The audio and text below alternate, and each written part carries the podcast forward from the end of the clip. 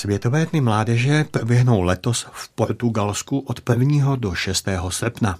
Zdálo by se, že je to až za dlouho, ale my vám chceme informace o setkání mladých lidí s papežem přinést už nyní. A skoro si říkám, zda to téma neotvíráme pozdě. Zpravidla se tato setkání konají jednou za dva až tři roky, ale letos, zřejmě i díky pandemii covidu, uběhnou už čtyři roky od posledního setkání, které se uskutečnilo v Panamě.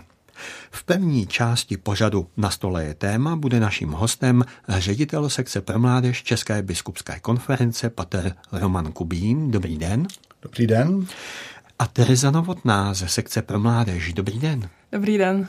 Vaším průvodcem pak je Pavel Smolek.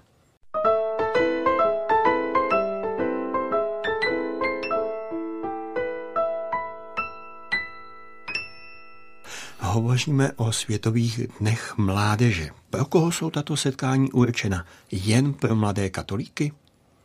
Tak určena jsou pro všechny, nejenom pro mladé katolíky, ale pro všechny, co mají nějaký zájem se podílet na tom programu nebo se ho zúčastnit. Záleží vždycky jako na zvážení toho člověka, jestli se chce podívat na Světové dny nebo ne. A není nijak jako omezen tou vírou nebo církví, které patří. Máme i v přihláškách člověka, co nám jako napsal, že není přímo z katolické církve, ale rád by se zúčastnil a nemá s tím žádný problém. Tak proč ne? A vy sama jste mladá slečna nebo žena. Vy už jste třeba byla na nějakém světovém dní mládeže? Byla jsem jednou v Krakově, to bylo v roce 2016. A v Panami jsem se nezúčastnila právě proto, že to bylo pro mě jako pro studenta v lednu ve zkouškovým, tak těžce dosažitelné. Jaké zážitky jste si z toho Polska odnesla? No strašně moc zážitků. Co se týče třeba předprogramu, tak to jsme bydleli u rodin, tak jsem bydlela na farmě, kde měli od domácího síru po domácí máslo, tak to byl pro mě velký zážitek. Nebo i takový to, že člověk se s něma snaží komunikovat anglicky, ale pak zjistí, že je v Polsku a ono česko-polsky to přece taky jde. A z toho hlavního programu, tak tam je asi takový ten největší zážitek už jenom ta kultura, že člověk jezdí po těch různých centrech světových, byli jsme třeba ve francouzském centru nebo v americkém centru a každý to centrum je dělaný úplně jinak a je tam vidět, která ta země ho pořádá, že my jsme to měli, my jsme vlastně jako Češi, tak jsme byli v klášteře, což bylo úplně něco jiného než třeba ti američani, kteří to měli ve velký hokejový hale. A samozřejmě papež, když kolem nás projel v tom sektoru, tak to bylo dva metry od papeže, no, kdo to nechce zažít. Ten zážitek, který jste si odnesla z toho Polska, můžeme říci, že třeba stojí za tím, že dneska pracujete v sekci pro mládež, že to bylo něco, nějaký impuls, který vás prostě vedl k tomu, že jste se začala věnovat této práci? Asi to bylo součástí, že přece jenom to bylo dostatečně intenzivní na to, že si to člověk uvědomuje a kdybych jela teď, tak už to bude jiný, ale zase vím, že to můžu zprostředkovat právě někomu dalšímu, aby měl podobné zážitky jako já, tak si myslím, že určitě ano. Už jsem v úvodu říkal, že se to setkání letos uskuteční v Portugalsku, v Lisabonu. Víme, proč bylo jako místo setkání vybráno právě Portugalsko? Tak úplně veřejně se to neví. Různé země se mohou přihlásit, taky Česká republika byla v tom užším výběru, když se to chystalo.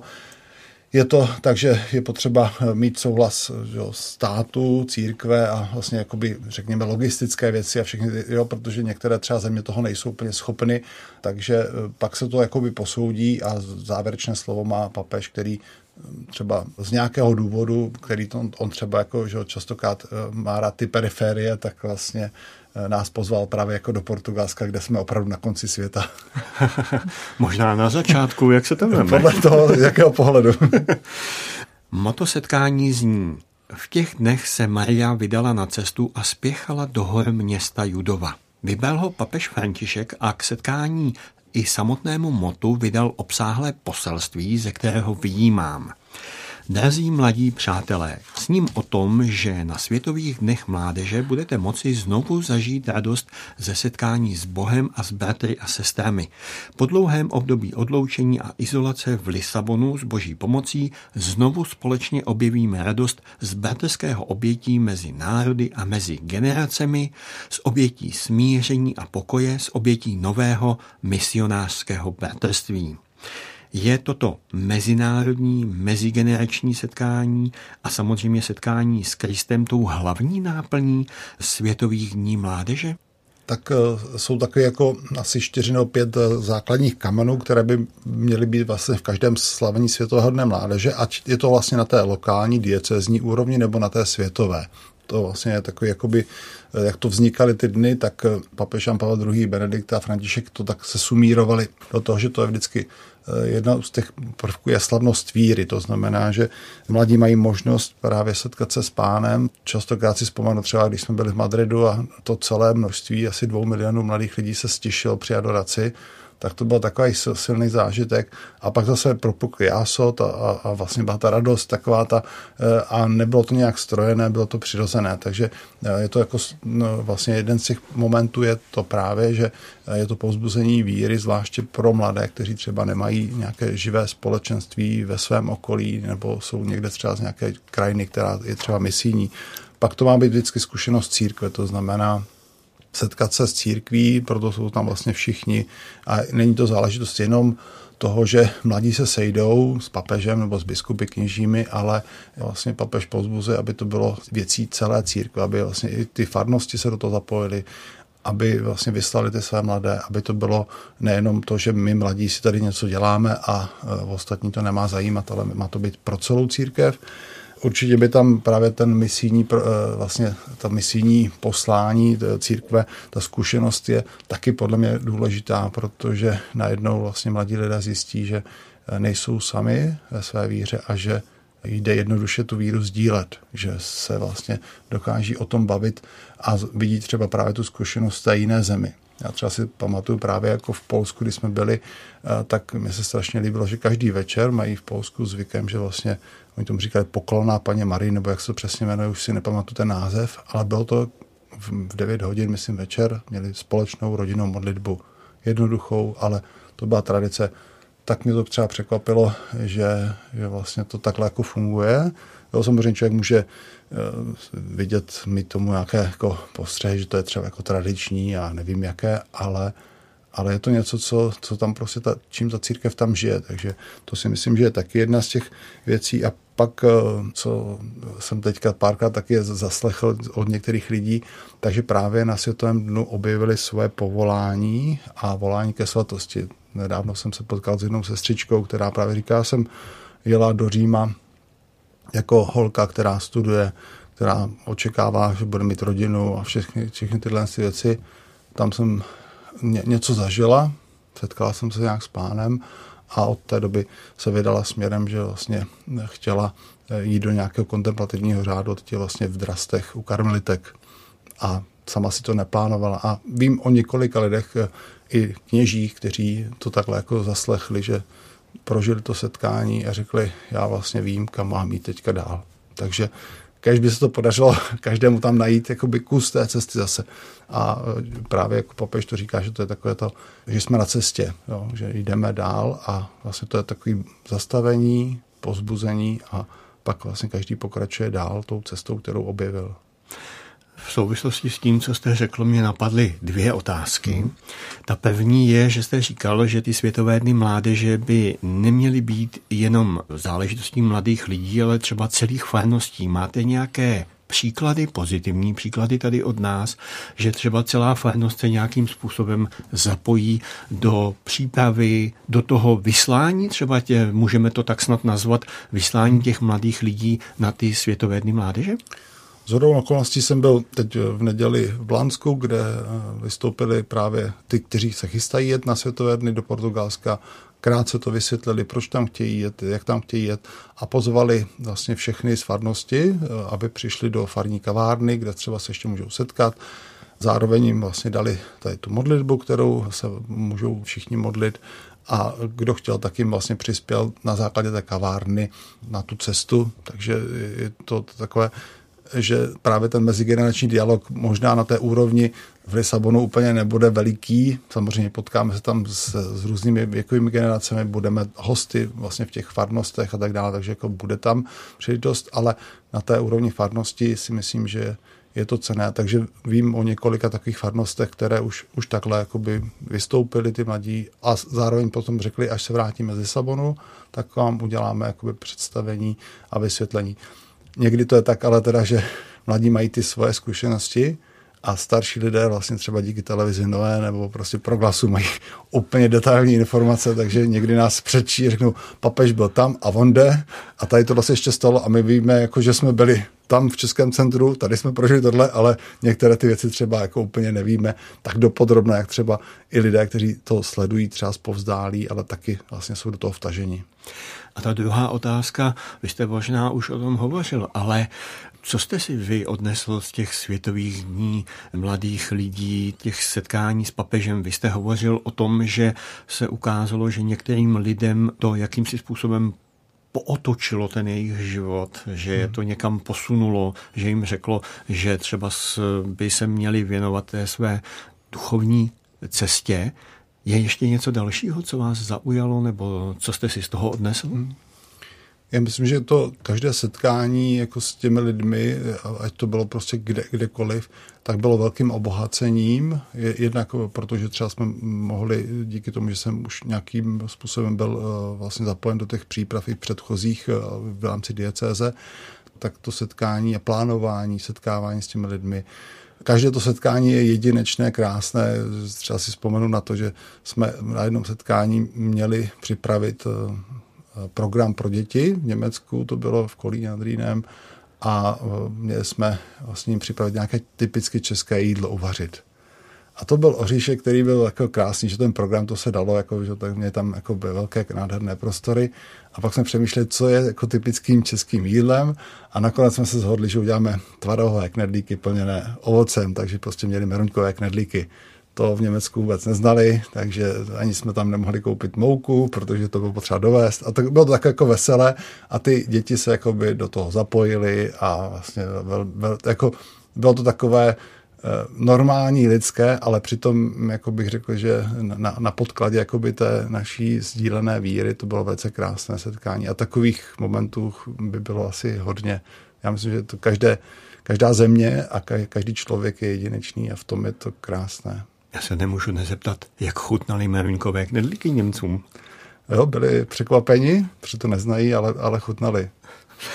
Terezo, vy už jste mluvila o tom, jak důležité bývá to, když se člověk zúčastní toho předprogramu, abych tak řekl. To znamená to setkání s těmi lidmi přímo ve farnostech, kteří hostí ty mladé lidi. A já se dostávám k tomu, že Světové dny mládeže mají dvě části. To samotné setkání, jak jsem říkal v úvodu, proběhne ve dnech 1. až 6. srpna a předchází mu ještě dny v diecézích od 26.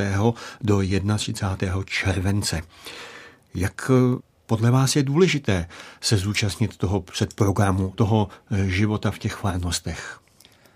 No, důležité pro samotné setkání s papežem to asi úplně není, ale jsou to skutečně dva zážitky a myslím si, že stojí za to zúčastnit se obou těch částí, protože obě ty části, jak už, jak už ten hlavní program v Lisabonu a ty dny v diecézi, co, co tomu předcházejí, jsou koncipovány úplně jinak.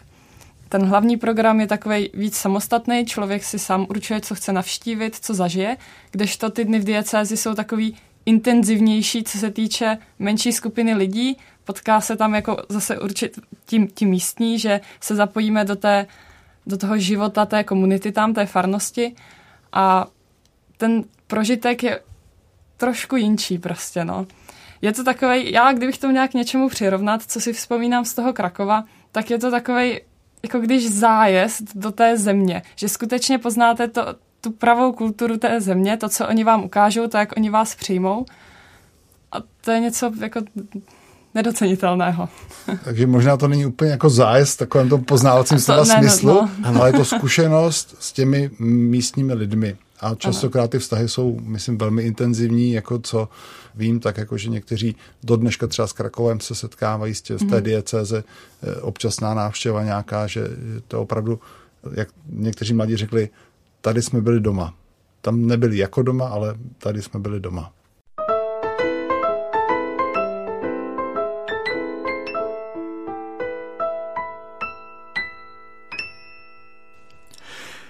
Tuto chvíli přerušíme rozhovor s paterem Romanem Kubínem a Terezou Novotnou a já vám nabídnu dva rozhovory svých kolegů, které natočili s účastníky Světových dnů mládeže. Ten první připravila Jana Rambousková, která vám představí svého hosta z Velké Bíteše. Povídám si s Petrem Maškem, který se již několikrát zúčastnil Světového setkání mládeže a plánuje se zúčastnit i toho letošního. Peťo, můžeš se nám na úvod krátce představit? Pocházíš z věřící rodiny? Ahoj, dobrý den, zdravím všechny posluchače Rádia Proglas. Já jsem Peťa, je mi 25 let, eh, minulý rok jsem dostudoval eh, vysokou školu na VUT a pocházím z věřící rodiny. Kdy ses poprvé dozvěděl o světových setkáních mládeže s papežem? Bylo to na Vánoce 2010 když jsem dostal pod stromeček eh, poukaz eh, na zájezd do Španělska. Tehdy jsem ještě vůbec nevěděl, že to je poukaz na zájezd na Světové dny mládeže, které se konaly právě v Madridu v roce 2011. A jel jsem tam se svou sestřenkou, která mě dělala doprovod a vlastně tenkrát jsem vůbec nevěděl, o co se jedná, ale strašně se mi to líbilo a nakloplo mě to. Tak to je super začátek putování po světových setkáních. Jak dlouho trvalo tenkrát to setkání v Madridu? Tam to bylo jeden týden před program v Taragoně a další týden ten hlavní program v Madridu, takže dva týdny. Uh-huh. A na jakých dalších světových setkáních, kromě tady tohoto, jsi byl? Pak jsme jeli s Bítešákama ještě do Krakova, tam jsme se vydali na kole z Bíteše, nějakých 600 kilometrů a Největší zážitek mám ze světového setkání v Panamě 2019. Takže si absolvoval celkem tři světová setkání. Lišila se nějak mezi sebou?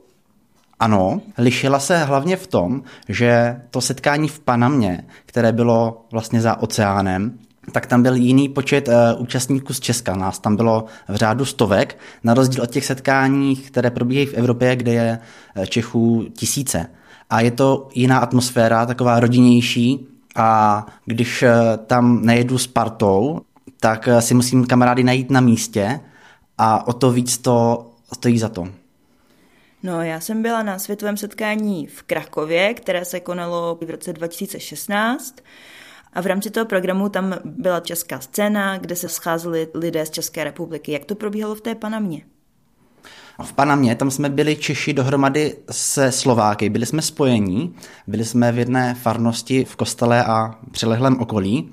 A tam program probíhal podobně. Měli jsme tam návštěvu některých biskupů, třeba otec biskup Posád, a měli jsme tam různé katecheze a družili jsme se s bratry Slováky. Kolik kněží z České republiky vyrazilo na to setkání v Panamě? Pamatuješ si? Tam to mohlo být v řádu desítek, pamatuju si mši, že tam sloužilo kolem těch deseti kněží. Mhm. Můžu se orientačně zeptat, nakolik to vyšlo celkově, ten výjezd do Panamy finančně? Mm-hmm. No, u mě je to trošku specifické v tom, že já jsem eh, v Panamě po setkání zůstával další tři měsíce, že jsem tam utratil víc než eh, ostatní účastníci setkání, ale když se eh, podívám na letenky, tak ty byly kolem 20 tisíc, a samotný program ten byl kolem, předpokládám, 8 tisíc. Jak to vzniklo, že si se rozhodl zůstat v Panamě další tři měsíce po setkání? Já jsem byl tou dobou na bakalářském studiu a měl jsem zrovna všechny předměty už představené dopředu, takže jsem měl půl roku volna, právě abych mohl v té Panamě být díl. A říkal jsem si, že když už eh, si kupuju tak drahé letenky, takže ten čas tam využiju a rozhodně to stálo za to. Super. Mohl bys teď posluchačům trošku přiblížit, jak probíhá takový světový setkání, jak vlastně ten program je postavený? Uhum. Tak světové setkání se dělí právě na ty dvě hlavní části. Na předprogram, který je v rodinách, kdy poznáváme vždycky místní kulturu. Eh, ti lidé, které nás tam ubytovávají, tak jsou strašně příjemní a chcou nám ukázat, eh, jak se tam u nich žije, jak tam funguje církev, jak tam funguje společenství. A potom ten hlavní program, tak tam už eh, jsou třeba 2 miliony lidí dohromady. Je to na loukách nebo na letištích, ten program se svatým otcem a vždy je tam nějaká křížová cesta, nějaká vigílie, pak se tam přespává ve spacácích všichni účastníci, ty 2 miliony lidí, tam spíme na té louce a potom eh, ráno, poslední neděli je závěrečná mše s papežem, kde se ohlásí, kde se budou konat příští světové dny mládeže. Takže vlastně, jestli to teda dobře chápu, tak do doby, než se tohleto ohlásí, tak není známo, kde další světové dny mládeže se budou konat. Není to známo, možná se o tom spekuluje, ale v tuhle chvíli nikdo neví, kde se budou konat ty další. Mm, takže to bude pro účastníky takové překvapení, zvlášť pro ty, kteří jezdí pravidelně. Ty se plánuješ zúčastnit i letošního světového setkání mládeže v Lisabonu a co od toho očekáváš? Už třeba víš, kteří lidé s tebou pojedou, nebo kdo další se ještě z tvého okolí zúčastní? Ano, z Velké Bítyše se chystáme skupinka 14 lidí a už jsme se začali postupně scházet a na to setkání připravovat. Máme vždy jednou za měsíc na faře setkání, kdy si říkáme, co od toho právě čekat. No a jelikož já už jsem těch setkání pár absolvoval, tak mé největší očekávání je, že bych si konečně mohl udělat selfiečko s papežem. To je teda hezký, moc se mi líbí, že už se takhle připravujete že vlastně o tom přemýšlíte a zároveň si i povídáte o tom, co od toho čekáte. A chtěla jsem se ještě zeptat, jestli probíhají všechna světová setkání tak, jak si právě popsal, protože přesně to, co si říkal, tak to já znám z toho Krakova, které jsem také absolvovala, tak jestli třeba to v Panamě mělo stejný harmonogram. Vlastně ten koncept světových setkání je vždy podobný. Liší se to třeba v tom, eh, že v Panamě se to všechno odehrávalo v lednu, kdy u nás je zima, ale tam eh, je teplo pořád a ten termín byl zvolen proto, ten lednový, protože tam v Panamě mají období dešťů, které trvá půl roku a období sucha, která trvá taky půl roku, takže se zvolil ten termín lednový, kdy tam právě půl roku neprší. Mm-hmm. Co nejzajímavějšího tě zaujalo na panamské kultuře, na tom předprogramu, který jste absolvovali s těmi lidmi z hostitelských rodin? Úplně nejlepší, co si z toho eh, vybavuji, bylo to vřelé přijetí, když jsme tam ten první den přijeli. Opravdu eh, to bylo něco nepopsatelného. Ti lidé eh, nás radostně vítali, zpívali nám uvítací písničky, objímali jsme se tam s nimi. Opravdu na nich bylo vidět, že mají upřímnou radost, že za nimi prostě přijeli lidi přes půl světa, aby s nimi trávili čas. A jak jsem říkal, ti panamané, tak jsou strašně příjemní lidé. S některými z nich jsem dodnes v kontaktu, píšeme si a já doufám, že se s některými z nich eh, potkáme i v Lisabonu. Bezvadný, že si udržujete takhle kontakty i dál. A vzpomínáš si na něco typického, třeba můžeš nám říct něco panamsky? Eh, v Panamě se mluví španělsky, a to, co jsme tam používali nejvíc, tak je eh, cerveza, to je pivo. Užitečné slovo. Komu bys doporučil světový setkání mládeže? Máš nějakou zkušenost, když se ohlídneš na všechny ty tři, ve kterých jsi byl? Nějaká zkušenost, eh, která tě nějakým způsobem ovlivnila, nebo něco, co ti prostě zůstalo v hlavě? Uhum. Abych to světové setkání mládeže doporučil opravdu všem mladým lidem, dospívajícím, klidně už od těch 15 let, protože to je zážitek, který nakopne vaši víru. Poznáte, že nejste jediní mladí na světě, kteří jsou věřící a v jednotě je síla a bylo tam opravdu poznat eh, ta skvělá atmosféra. Tam, když jdete po ulici a s někým se potkáte, tak eh, máte prostor eh, si spolu popovídat. Není to jako když jdete po svobodáku, tak tam by bylo divné, kdybyste za někým přišli a začali si jen tak povídat o něčem. Ale právě na těch světových dnech mládeže tam je, tam je to zcela běžné.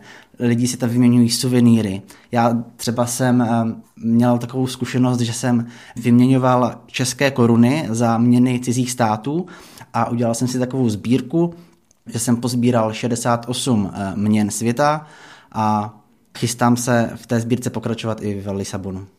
A tvůj osobní názor, která z těch dvou částí programu je pro tebe víc obohacující, jestli je to ten předprogram s těmi hostitelskými rodinami, anebo ten hlavní program, který je víc zaměřen už modlitebně, chodí se na různé křížové cesty, více to jakoby pojímá duchovně. Která z těch dvou částí tebe osobně víc oslovila, může se to třeba lišit v rámci těch jednotlivých setkání? Hmm. Každá část má určitě něco do sebe. I ten hlavní program s papežem je skvělý, ale i přesto si vždy odnáším největší zážitky z toho předprogramu, kdy právě se zžijeme s tou rodinou, žijeme s nimi celý jeden týden u nich doma a poznáváme tu místní kulturu. Oni se o nás starají jako o vlastní a na tom jde opravdu vidět, jak křesťané dokážou být vřelí, dokážou přijmout hosty a ukázat jim, jak žijí, jak, jak to u nich funguje. Je to nepopsatelný pocit. Já také vím, že když jste se připravovali společně s Bítešáky na cestu do Krakova, tak jste se rozhodli pro poněkud netradiční způsob dopravy. Mohl bys nám na závěr ještě přiblížit, jakou cestu jste zvolili a případně někoho z posluchačů inspirovat, jak ještě dál se dá setkání mládeže nebo takováto aktivita spojit s jiným zážitkem? Ano, do Krakova jsme se z Bíteše vydali na kolech. Byla to týdenní cesta, kdy jsme denně urazili asi 100 km na kole, spali jsme na farách. Chtěli jsme vyrazit eh, na kolech, protože jsme to pojeli jako takovou pouť. A i potom, eh, když byly následující setkání, třeba setkání mládeže v Hradci, tak tam jsme šli zase z Bíteše pěšky. Tak bych chtěl inspirovat i ostatní, aby se třeba zamysleli, jak se do Lisabonu dostat, třeba vymyslit taky nějakou kreativní eh, formu dopravy. Peťo, já ti moc děkuji za rozhovor, děkuji za pozdílení tvých zkušeností, které jsou, mm, co se týče světových setkání mládeže, bohaté a přeju, ať se ti v Lisabonu líbí. Děkuji moc, doufám, že se tam uvidíme. Je to možné. Na proglasu posloucháte pořad Na stole je téma, který je věnovaný Světovým dnům mládeže. Slyšeli jsme rozhovor Jany Rambouskové s Petrem Maškem z Velké Bíteše. A nyní vám nabídnu rozhovor, který připravil Mikuláš Bochoska. Povídám se s Janem Štálichem, který se zúčastnil Mezinárodního setkání mládeže v Krakově. Mohl byste nám jenom na úvod něco o sobě říci? Já jsem ze západních Čech, je mi 27 let a víceméně jsem nekatolík, i když občas do kostela zajdu v tom roce 2016 tak jsem se dostal na Světový den mládeže chodou okolností, protože naše rodina má dopravní firmu a ten rok jsme vezli skupinu mexických katolíků právě do Krakova na toto setkání. Jak jste se rozhodl pro to třeba takhle na poslední chvíli eh, se tam podívat? Hmm, tak mně to přišlo jako zajímavá zkušenost a vzhledem k tomu, že rád objevu nová místa a zkušenosti, tak uh, i tohle mi přišlo zajímavé, tak proto. Takže vás třeba lákalo vidět, vidět naživo, naživo papeže, nebo? Hmm, přesně tak a chtěl jsem vidět vlastně, eh, jak celá ta akce vypadá. Hmm. A co vám tahle zkušenost dala, když jste tam byl, nějak vás to třeba zaujalo, nebo třeba vás to trošku nakoplo víc eh, v té víře, jak se tak říká? Určitě, tak protože za prvý, protože ještě než jsme vůbec přijeli do Krakova, tak jsme s tou mexickou skupinou projeli první Vadovice, což je rodiště Jana Pavla II. A následně jsme navštívili ještě Osvětim, což byl silný zážitek, takže, eh, takže potom i ten příjezd do, do toho Krakova byl úplně jiný. A v podstatě na tom místě samotném v Krakově, v ulicích, eh, ve všech ulicích Krakova, tak stanovaly skupiny právě té mládeže, která se sjela z celého světa a bylo tam cítit to samé sepětí. A jak dlouho ten program trval a jak dlouho jste tam strávil? Program trval tehdy zhruba pět dní, ale já jsem tam strávil pouze dva dny, protože potom jsem se musel vrátit. A plánujete se zúčastnit i nějakého dalšího setkání, třeba toho letos, nebo někdy jindy, nebo už, už nebo vám to stačilo jako tahle jedna zkušenost? Letos to v plánu nemám, letos by to mělo být, pokud vím, v Portugalsku, ale určitě u příštího setkání, což je, myslím, každé tři roky, tedy v roce 2026, tak eh, bych se klidně přel podívat. A to setkání v tom Krakově, tak eh, jak jste ty, vy jste říkal dva dny, jak jste je tam prožil? Já jsem v podstatě s tou mexickou skupinou a za jejich průvodcem, tak jsme procházeli město, kde právě ty skupiny, o kterých jsem mluvil, tak eh, každá těch skupin, tak měla připravenou nějakou buď písničku nebo hráli nějaké divadelní představení, takže jsme se u každé té skupiny dostavili a pozorovali jsme, co vlastně každá ta skupina dělá. A bylo to velmi rozlišné, protože samozřejmě každá ta skupina byla z jiného koutu světa, takže to bylo hodně zajímavé. A doporučil byste na tyhle setkání jezdit i jiným nekatolíkům? Určitě, protože tam, tam zabřednou více do svého duševna a vypadnou z toho běžného života, takže uvidí, uvidí úplně něco jiného, než, než co vidí každý den. Dobře, já vám děkuji za rozhovor a přeju hezký den. Mhm, děkuji moc krát. Naschledanou.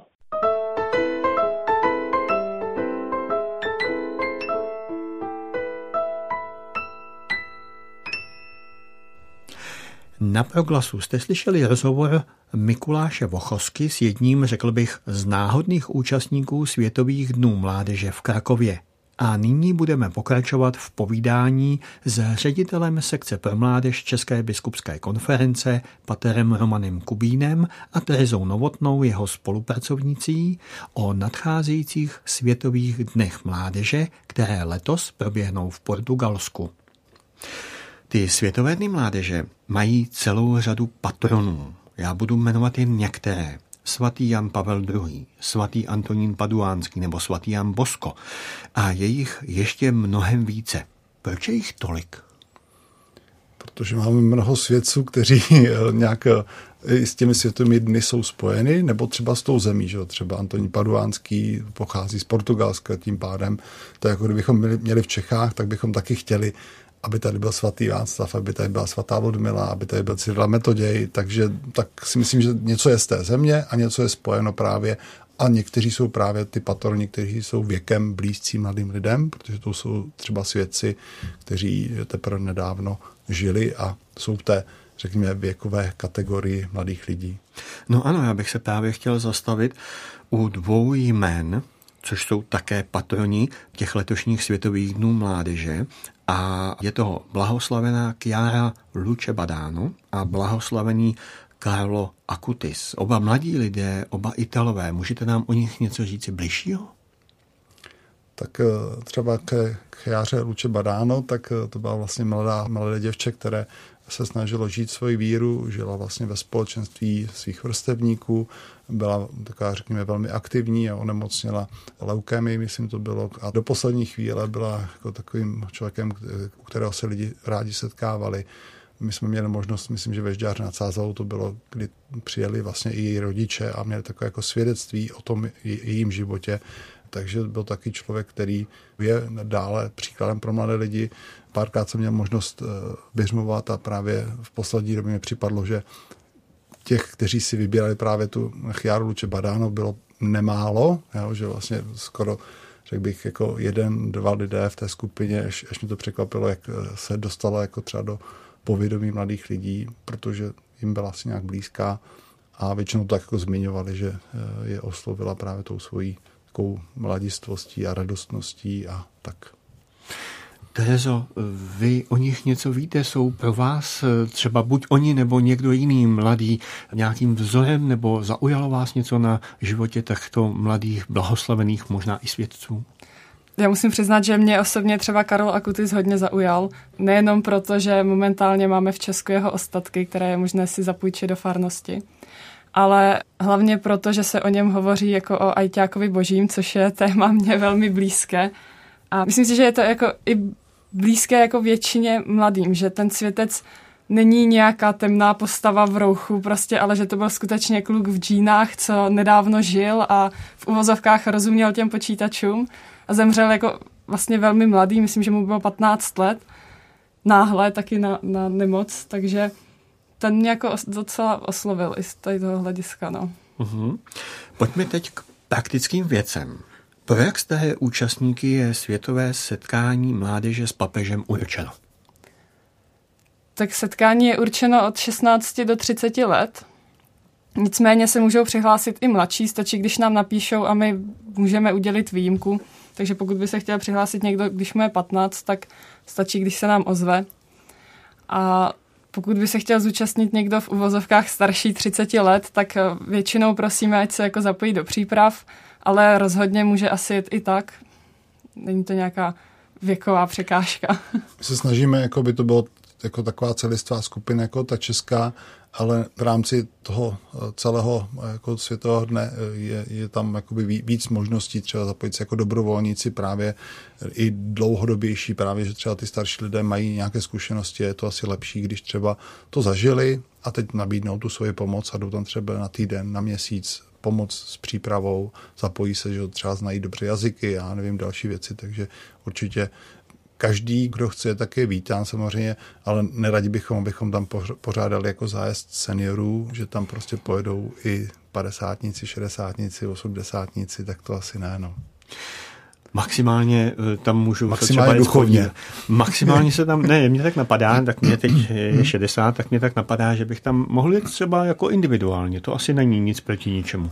Určitě to jde a vím o lidech, kteří třeba takhle plánují, že tam budou někde v okolí na dovolené a pak vlastně přijdou na tu vigílii a na tu závěrečnou mši svatou. Tam jsou vždycky zváni všichni, že v Polsku taky tam přišly celé farnosti, jo, přišli třeba jenom na tu nedělní mši svatou, to není jako uzavřená společnost, jako že by tam nikoho nepustili, ale samozřejmě, že z hlediska jakoby logistiky je potřeba ty mladí, aby byli přihlášeni, aby se ubytovali, stravovali a tak dále, aby ten systém té země zvládl ale pár takových lidí, kteří eh, budou na dovolené někde eh, ve Španělsku a pak se tam přijdou podívat, tak to asi není takový problém. Samozřejmě bude třeba možná těžko s parkováním a dalšíma věcma, ale, ale Portugalsko je normální evropská země, takže jako je schopna to zvládnout. Ne, nejsme prostě někde v Africe, kde by asi byly daleko větší těžkosti s tím, jak to zorganizovat. No. Tereza, vy jste mluvila o tom, že se mohou zúčastnit lidé už od 15 let věku. Platí pro ně nějaká zvláštní pravidla?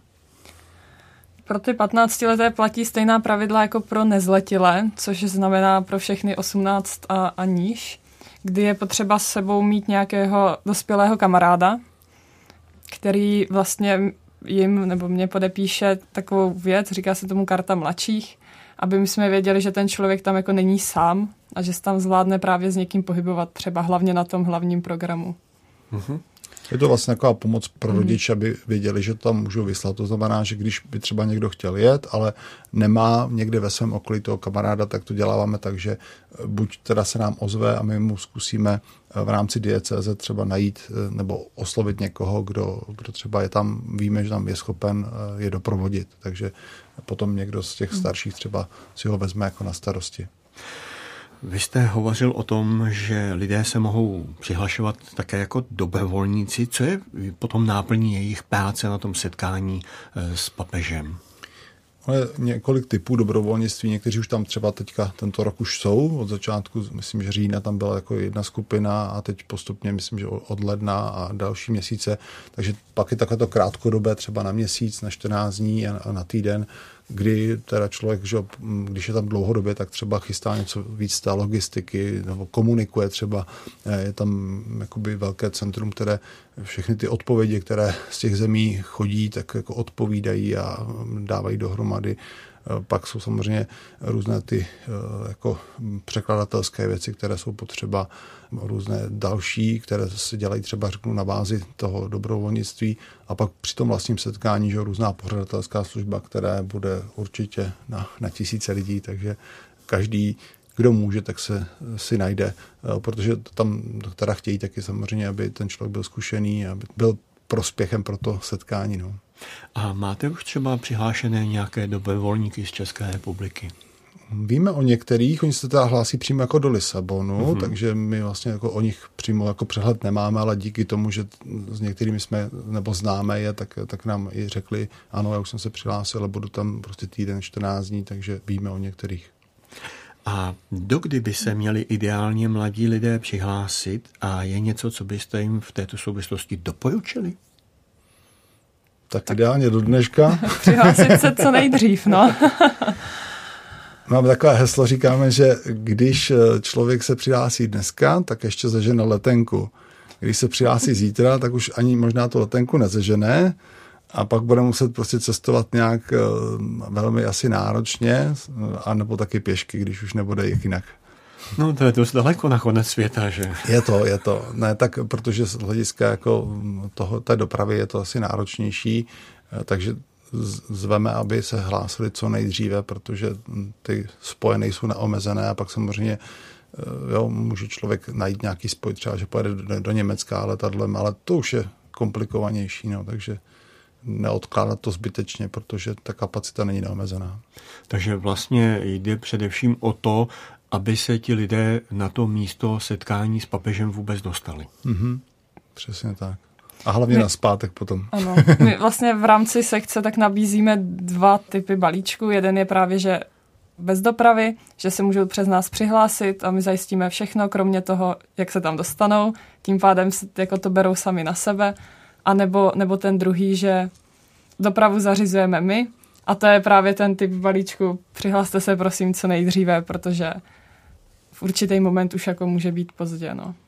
A co je obsahem toho balíčku, o kterém hovoříte?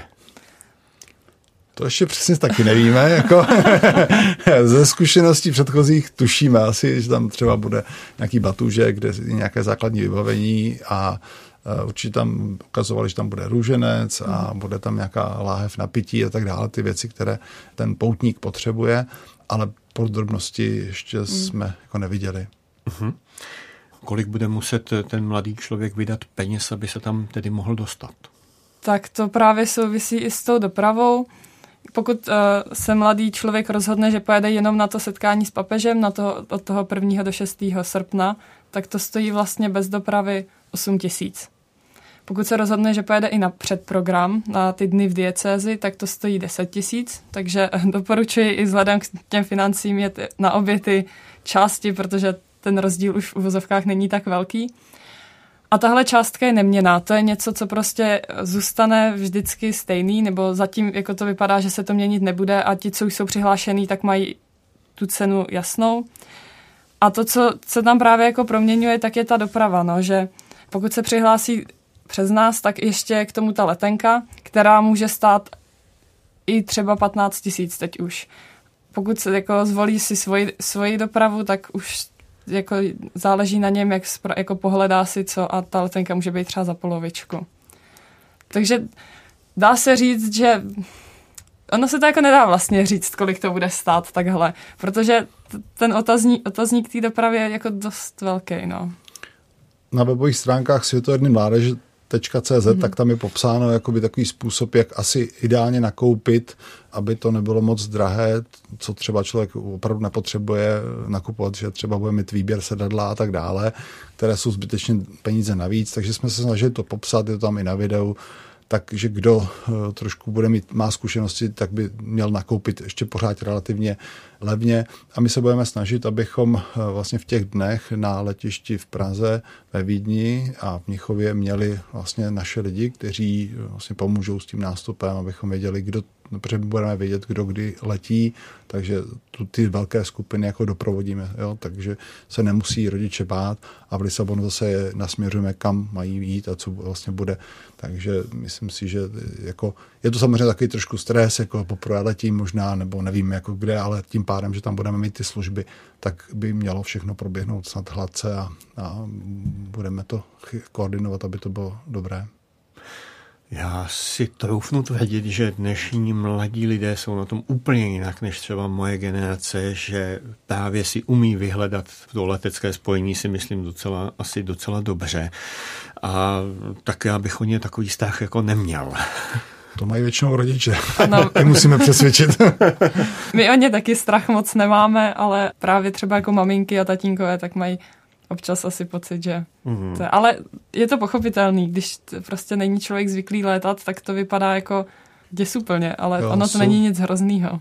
Jsou mladí, kteří prostě ve 12, ve 13 už letěli třeba sami někam, jo, protože mají někde rodinu nebo kamarády, nebo já nevím, jo, nebo na nějaký ty studijní pobyty, výměný pobyty a jsou lidi, kteří ještě v 18 jako vlastně nebyli zahraničí svého okresního města, takže hmm. tam je to ano. trošku velký rozdíl. Ano. Pokud jsem správně informován, tak jednotlivá biskupství postupně vyhlašují různé druhy podpory pro účastníky. Vím o plzeňské diecézi, že tam má nějaká svoje vlastní pravidla.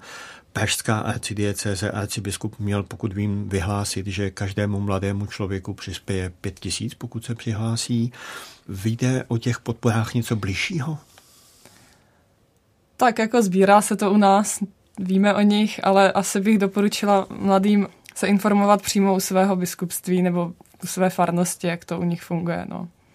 Mm-hmm. Protože to je do jednotlivé. toho nějak nezasahujeme. Někteří to měli no. do konce roku třeba omezené, mm-hmm. někteří to mají pořád, takže proto je takové jako složitější, že někde to mm, delegovali přímo do farnosti, řekli, že prostě farář by měl přispět, takže je to jednodušší ve farnosti se zeptat nebo na svém centru mládeže, co mm-hmm. je možné. Mm-hmm. Znáte už počty přihlášených lidí? Kolik k dnešnímu dni je přihlášených mladých lidí z České republiky? Tak přesné číslo vám neřeknu, to se přiznám, že takhle z hlavy nevíme asi ani jeden. Ale můžeme si ho vymyslet, plus Může, minus. No. plus minus 50 se trefíme. jsme měli takovou sázkou, eh, jako když jsme začínali připravovat, tak jsme tak diskutovali, kolik asi mladých pojede, tak jsme tak eh, řešili, bylo tak jako myslím, že byly nějaký na, okolo 500 až 800, jakože by mohlo být. Někteří byli víc optimističtější k tisíci já jsem to tak jako trošku hádal, říkám, no hele, v, v Madridu bylo 3200 lidí mladých a jeli autobusem, to bylo strašná cesta tam a naspátek. Říkám, já si myslím, že to je jako to číslo, ke kterému se možná budeme přibližovat, ale jako ani já jsem nedoufal, já jsem říkal, 2000 by mohlo být v létě. A teďka už máme teda přes 2000 lidí. My jsme to teda ještě oficiálně nikde moc nezveřejňovali, furt čekáme, až se kdo přihlásí? Až se tak, jak, ona už jako ta hlavní vlna přihlašování tak jako skončila, Proběhla. že 20. prosince jsme měli takovou jako první První. Byla jakoby sleva dopředu, ano. protože vlastně i uh, pořadatel právě v, uh, v Lisabonu nám to nabídli, že kdo zaplatí a přihlásí se do 20. prosince a my teda potom jsme to měli do 31. prosince, mm. takže to bylo levnější. Takže to asi motivovalo mnoho lidí a i ten nákup letenek. No. A, ano, ale jako v tento moment máme kolem těch dvou tisíc lidí, tak to si myslím, že je hezké číslo. Souhlasím. Před, předčilo to všechny naše typy v kanceláři. tak to je dobře, ne? V této souvislosti mě napadá, platí nějaká horní hranice počtu účastníků pro jednotlivé země a když je jich dosaženo, tak už se nemůže nikdo další přihlásit z té země, nebo je to neomezené? Je to neomezené, tedy není to nějak eh, stanoveno, eh, ale organizátoři velmi eh, úpěnlivě jako prosili, že samozřejmě jsou otevření tomu, aby ty lidé přijeli, ale měli tam taky nějakou hranici. My jsme tak jako pro sebe si říkali, že je fakt opravdu nejpozději do 30. června a to už je takové jako limitní, protože mm, vlastně že ty skupiny se nějak musí uzavřít, nějak je musíme jako skoordinovat pro ty dny v diecézích, případně potom tam a i pro ty organizátory je to velmi těžké. To samozřejmě, když se jednotlivec přihlásí někdy ještě v červnu, tak nám to nevadí, ale, ale řekl bych, jako ty uh, velké skupiny prosím, aby byly co, co nejdříve, protože pro tu přípravu toho všeho je to, je to důležité. Takže zopakuju to, co jsme už tady dnes si řekli, co jsme slyšeli. Pokud někdo chce jet, tak ať se přihlásí okamžitě. Ano. Přesně tak. Už jsem se ptal na to, co bude obsahem těch balíčků, kteří ty účastníci obdrží. Vy jste říkali, že to ještě není úplně jasné, ale co by si ti mladí lidé měli vzít sebou? Co byste jim doporučili? O čem víte, že se jim tam bude hodit? Asi jako nic zvláštního, taková, taková klasika, karimatka, spacák a oblečení. po případě u mladých asi mobil si myslím, ale jinak jako když bych to měla říct úplně tak jako od podlahy, tak žádný zbytečnosti prostě. A řekl bych, že, že čím méně věcí, tím lépe pro ně, protože to nemusí nikde smíkat, nemusí to nikde tahat, protože tam samozřejmě je teplo a jsme jako v, eh, vlastně v zemi, kde, kde se dá případně jako něco jako i dokoupit, to znamená, že méně znamená někdy více. No. A samozřejmě eh, důležitá bude pokrývka, ale, ale protože většinou tam býval vlastně v tom boutním balíčku, to potom zveřejníme, by býval nějaký klobouk nebo něco takového, tak vlastně člověk opravdu nemusel nic tak speciálního jako si, si brát. Co já jsem teda měl jako dobrou zkušenost a někteří taky využívali taková ta stříbrno-zlatá folie. Je folie. folie. To, to je, není špatné, protože eh, když vlastně je horko, tak se tím bžiček chrání proti tomu horku a když je jako vlastně zima a třeba eh, na, ta, na té vigílii se spí venku, tak člověk nemusí mít spacák do minus 20 vůbec, ale může mít právě jakoby nějaký velmi tenký spacák a tady tou folí to trošku jakoby si eh, to teplo podrží, takže to jsou takové jako vychytávky, které postupně budeme asi zveřejňovat. Právě už máme nějaké typy, jako jak eh, třeba se dobře zbalit do, do kufru a jak to udělat, aby, aby člověk teda ne, ne, neměl mnoho věcí a, a zbytečných věcí, ale zase, aby měl všechno potřebné. Já se dovolím přidat svoji vlastní takovou zkušenost, když jsme měli takové pěší putování po svaté zemi a putovali jsme po Izraeli, tak jsem si vyrobil takový, nebo myslím, že to byla manželka, mi vyrobila takový speciální klobouk, který měl ještě takový jako chránil jako zátylek mm-hmm. a velmi se to osvědčilo, takže to můžu doporučit a myslím si, mm. že s tím sluníčkem to v tom Portugalsku v tom létě bude asi podobné, jako jsme to měli my tenkrát mm. v Izraeli. Je něco, co byste chtěli říci na závěr našeho rozhovoru, něco, o čem jsme snad nemluvili? Určitě bychom rádi pozvali znovu a opakovaně a povzbudili bychom rodiče, kteří váhají, jestli třeba mají své děti pustit nebo ne. Eh, myslíme si, že je to eh, důležitá zkušenost a, a říkáme, že každý mladý by to jednou za život alespoň měl zažít. Jet na takovéto setkání a zažít opravdu tu krásnou zkušenost víry, setkání s, s, s dalšími lidmi, s, na, úplně objeví nové rozměry jako toho, jak žijí jejich vrstevníci. Chápu, že každý není úplně extrovert, ale i myslím, že i člověk, který eh, jakoby možná víc niterně tu víru prožívá, tak eh, to není eh, tak, tak hrozné to setkání a, a já občas jako pozbuzení říkám, já jako introvert uh, už několik let se zapojím do těchto světových dnů mládeže a taky to dobře zvládám, takže uh, neboj, nebojte se toho. A samozřejmě budeme rádi, když uh, pojedou kněží podle možností, když farnosti se zapojí do podpory mladých lidí, protože myslím si, že to potom i přenesou právě do farností na zpátek, to pozbuzení, které zažili a, a dá to zase nový rozměr té farnosti.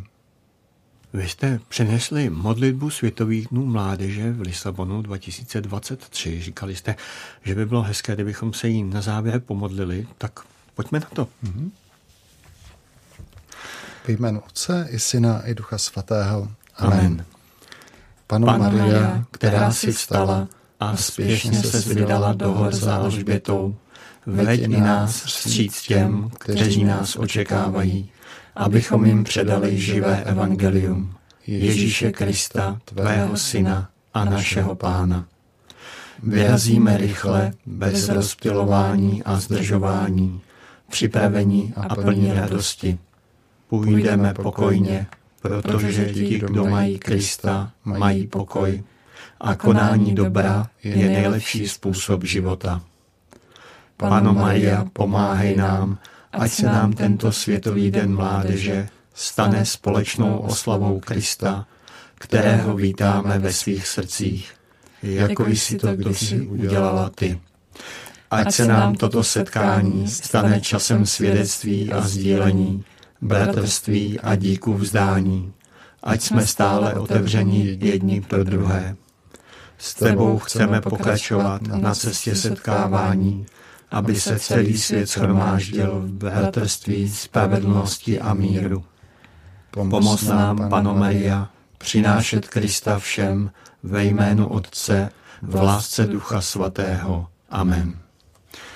Tak já vám děkuji za společenství modlitby. A v pořadu na stole je téma jsme hovořili o Světových dnech mládeže s ředitelem sekce pro mládež České biskupské konference Patrem Romanem Kubínem. Já vám děkuji za účast. Já děkuji za sebe a budeme se těšit v Lisabonu na viděnou a nebo uh, jenom tak na dálku třeba duchovně.